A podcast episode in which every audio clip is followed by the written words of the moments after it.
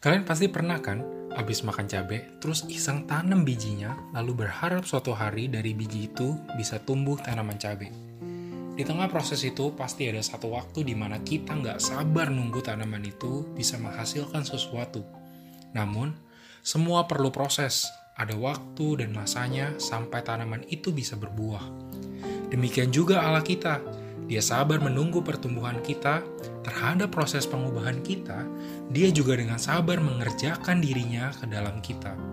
Seperti Yohanes katakan, dia harus semakin besar dan aku harus semakin kecil. Ini butuh waktu yang tidak sebentar dan Allah kita sabar menunggu kita. Terhadap kedatangannya pun, dia juga sabar menunggu kita gerejanya, sepenuhnya mencapai kesatuan iman dan pengetahuan akan anak Allah kedewasaan penuh, dan tingkat pertumbuhan yang sesuai dengan kepenuhan Kristus.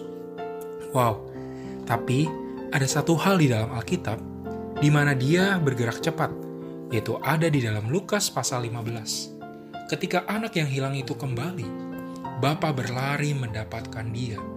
Dia sangat cepat menerima orang dosa datang kepadanya. Karena itu, jangan pernah mau tertipu dengan situasi dan keadaanmu saat ini dia selalu dengan cepat berlari mendapatkan kita. Kapankala kita menyadari keadaan kita, bangkit dan datang kepadanya.